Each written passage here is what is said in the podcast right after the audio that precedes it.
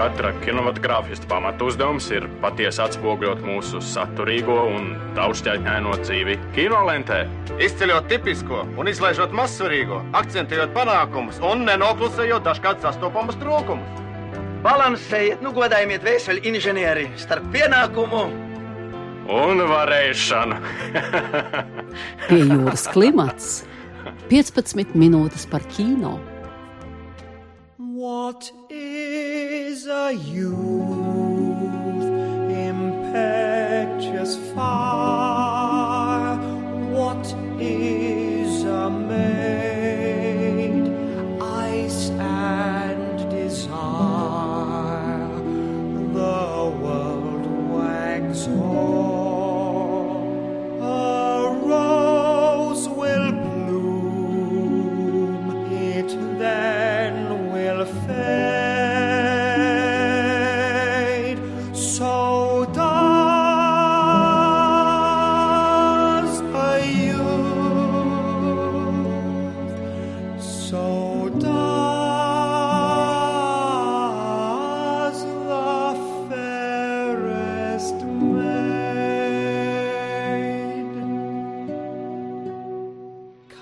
Labdien, mīļie radioklausītāji!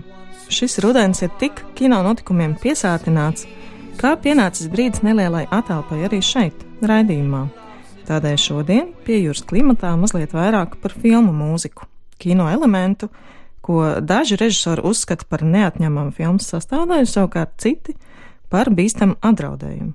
Pieminēsim Franko Dzeferelī filmu Romeo un Džulieta, kas šogad svin 50 gadus, islandiešu komponistu Johanu Johansonu, kuru zaudējām šā gada februārī, kā arī dzirdēsim divas versijas filmas Saspīrija skaņu celiņam no 1977.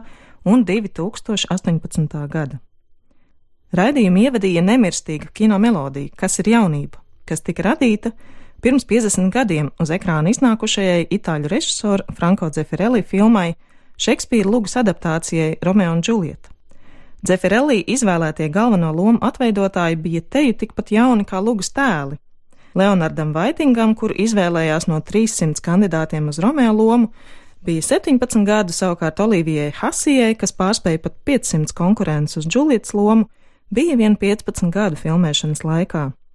Jauneklīgais un vienlaikus pārlaicīgais Romeo un Džulietas ekranizējums tolaik ieguva milzu popularitāti, un tā mūzika, veidot tādās kā viduslaika noskaņās ar vieglu 60. gadu popmūzikas atblāzmu, iespējams mūsdienās ir pat atpazīstamāka kā pati filma. Romeo un Džulietai mūziku sarakstīja leģendārais komponists Nino Rota. Viņam varam pateikties arī par filmas krustāvs muzikālo motīvu, un viņa skaņu celiņi ir neatņemama Felīnī kino universas sastāvdaļa. Deviņas operas, pieci baleti, mūzika teju 200 filmām grāts literatūrā un direktora amats Barī konservatorijā 20 gadu garumā, Nino Rota ir leģenda. Viņš piedzima mūziķu ģimenē Milānā 1911. gadā un jau 1929. gadā pabeidza studijas Santa Čečīlija konservatorijā.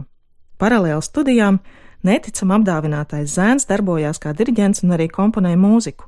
Viņa pirmā oratorija, L'Infancija di San Giovanni Battista, tika atskaņot Milānā un Parīzē jau 1923. gadā, kad Rotam bija 112 gadu.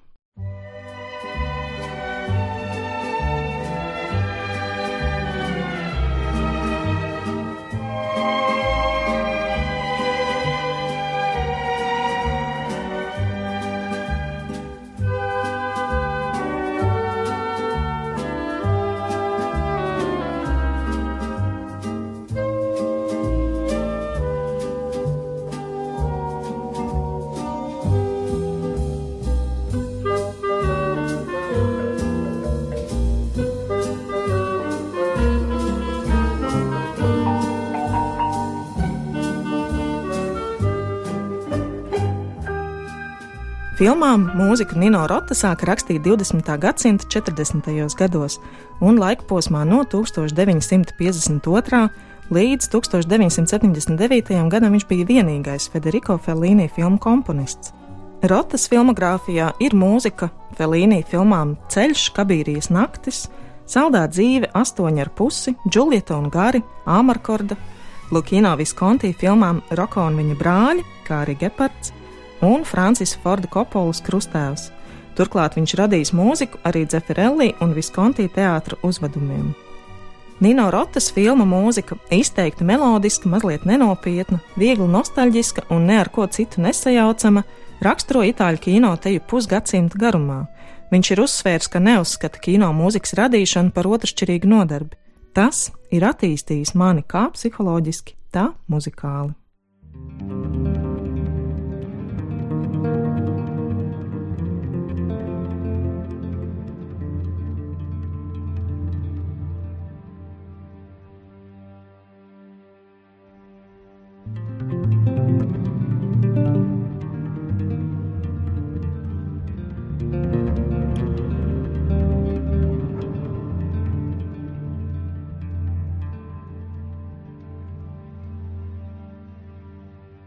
2018. gads ies 21. gadsimta kino mūzikas vēsturē ar kādu zaudējumu. Februārī Berlīnē, 48 gadu vecumā, mīra pēdējās desmitgades viens no ievērojamākajiem kino mūzikas komponistiem Johans Johansons. Īslandiešu komponists piedzima 1969. gadā Reikjavikā, Īslandē, un savu muzikālo karjeru viņš sāka dažādās alternatīvā roka un eksperimentālās elektroniskās mūzikas apvienībās. Turklāt jau pirmais viņa solo albums Englaborn bija mūzika teātra izrādē, un to raksturoja stīgu instrumentu skanējumu pārveide ar dažādu digitālo filtru palīdzību. Pitchfork mūzikas kritiķi par albumu izteicās kā par izteikti atturīgu, kur klavieres skan kā pilieni no lēni kūstošām lāstakām, uz kurām siltu elpu dveš vijoles. Johansons rakstīja mūziku teātrim, dejai, televīzijai un kino, apvienojot klasisko simfonisko orķestra skanējumu ar elektroniskās mūzikas elementiem, saglabājot izteikti ziemeļniecisku un vienlaikus atturīgu un emocionālu skanējumu. Viņš ir strādājis ārkārtīgi intensīvi, laika posmā no 2000. gada sarakstot mūziku 27 filmas filmām un 4 īsfilmām, kā arī īstenojot pats savus muzikālos projektus. Johansona darbs kino ir ticis augstu novērtēts. Viņa radītā mūzika 2014. gada Džeimsa Mārša filmai Teorija par visu par izcilo angļu fiziķu un matemātiķu Stevenu Hokingu tika nominēta Amerikas Kinoakadēmijas balvai, Grammy un Bafta balvām, kā arī saņēma zelta globusu. Tāpat Oskaram tika nominēti arī divi viņa radīti Denija Vilenēva filmu 2015. gada Sikārija un Narkokarš un 2016. gada filmas atnācēja skaņu celiņi. Un tieši sadarbība ar Vilenēvu, kas aizsākās 2013. gadā, atnesa Johansonam plašu starptautisku atzinību, un par šo sadarbību Johansons stāsta arī intervijā. I'm really uh, very very fortunate to to have been uh, you know to to have met uh, uh, Denny and and and for him to take me on. Man ir ļoti paveicies, ka satiku Denī un ka viņš ir man uh, iesaistījis šajā piedzīvojumā, kas viņam ir kino veidošana. Viņam ir izteikti laba izjūta, kā iesaistīt mūziku kino, kāda ir mūzikas nozīme kino, mūzikas un arī skaņas. Izpratni par to, kā mūzika un skaņas dizains spēja līdzās pastāvēt un kļūt par ļoti spēcīgu narratīvu un kinematogrāfisku līdzekli.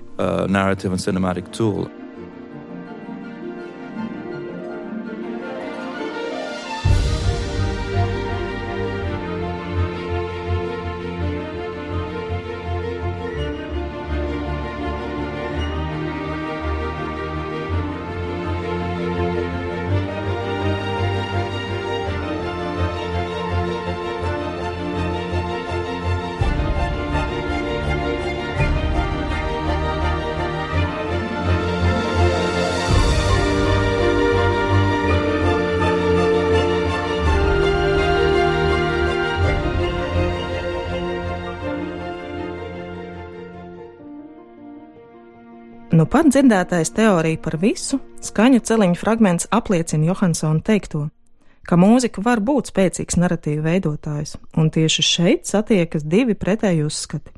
Ir kino veidotāji, kas apzināti un talantīgi izmanto mūziku, lai virzītu stāstu, un ilustrētu filmas emocionālo ainavu, bet savukārt pretējā nometnē ir atrodami tie režisori, kas vai nu iestājas pret mūziku kino vispār, vai arī izmanto to minimāli. Un šo viedokli pārstāv arī latviešu kino režisora Laila Pakalniņa, un par to vairāk dzirdēsim fragmentā no Dinas Dūdiņas kurmiņas vadītā raidījuma Mana mūzika. Man liekas, ka kino kā māksla, nu, kino kā darbs, kā filma, ir ļoti daudzslāņains un cilvēkam paver dažādas interpretācijas iespējas, un tas pats ir ar mūziku. Un tas ir tas, kas man patīk mūzikā, un kino arī, ka tu vari uztvert to, kā tu gribi, un jo tu esi brīvāks, jo labāk vari ieiet tajā darbā. Jo, manuprāt, mūzika savienojumā ar kino ir ļoti bīstama. Mūzika var kļūt ļoti manipulatīva un uh, vienkāršot tajā mirklī filmu.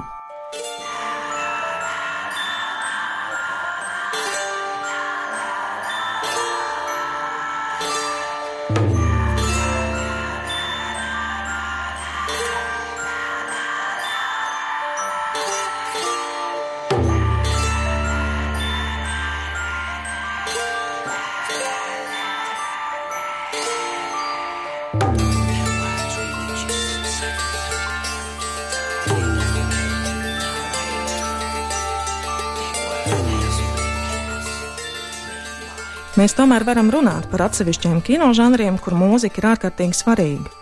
Un viens no tiem bez šaubām ir šausmu kino, un turklāt intelektuālais šausmu autoru kino, kuru pārstāv arī itāļu režisors Dario Argento. Nu pat mēs dzirdējām The Goblins skaņdarbu, radītu Argento 1977. gada kulta filmai Saspīrija. Tolaik izteikti laikmatīgais skanējums apvienojumā ar čukstiem un dramatiskiem efektiem radīja papildus dimensiju filmai, kas ierindojama šausmu kino zelta fondā, atgriežot tam B kategorijas mošķu kino popularitātes laikā zaudēto prestižu. Saspīrie, Profondo Rosso un citas Argento filmas, no kurām daudzas tapušas sadarbībā ar itāļu progresīvā roka apvienību The Goblins, pierādīja, ka šausmu kino skatās ne tikai pusauģi un vieglas izklaides meklētāji. Tādēļ ziņa, ka vēl kāds itāļu režisors Luka Gvadanjino, kura filma sauc mani savā vārdā, pagājušo gadu gan iekaroja skatītāju sirdis teju visā pasaulē, gan ieguva Amerikas Kino akadēmijas un Bafta balvas par labāko scenāriju, ir nolēmis uzņemt remēku šim, Argento vienam no populārākajiem darbiem, bija patiesa sensācija.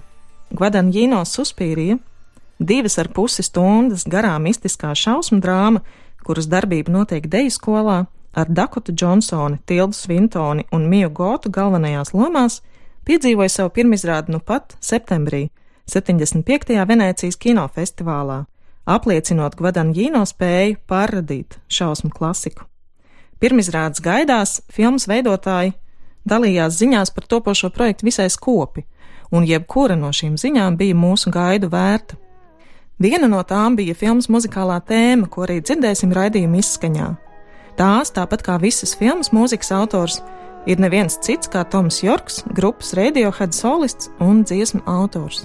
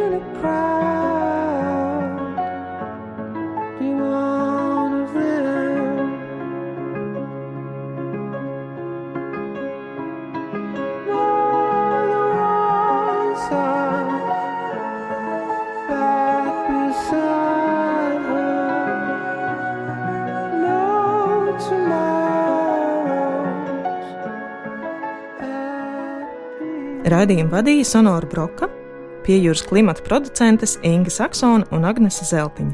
Raidījums tapis ar valsts kultūra kapitāla fonda atbalstu.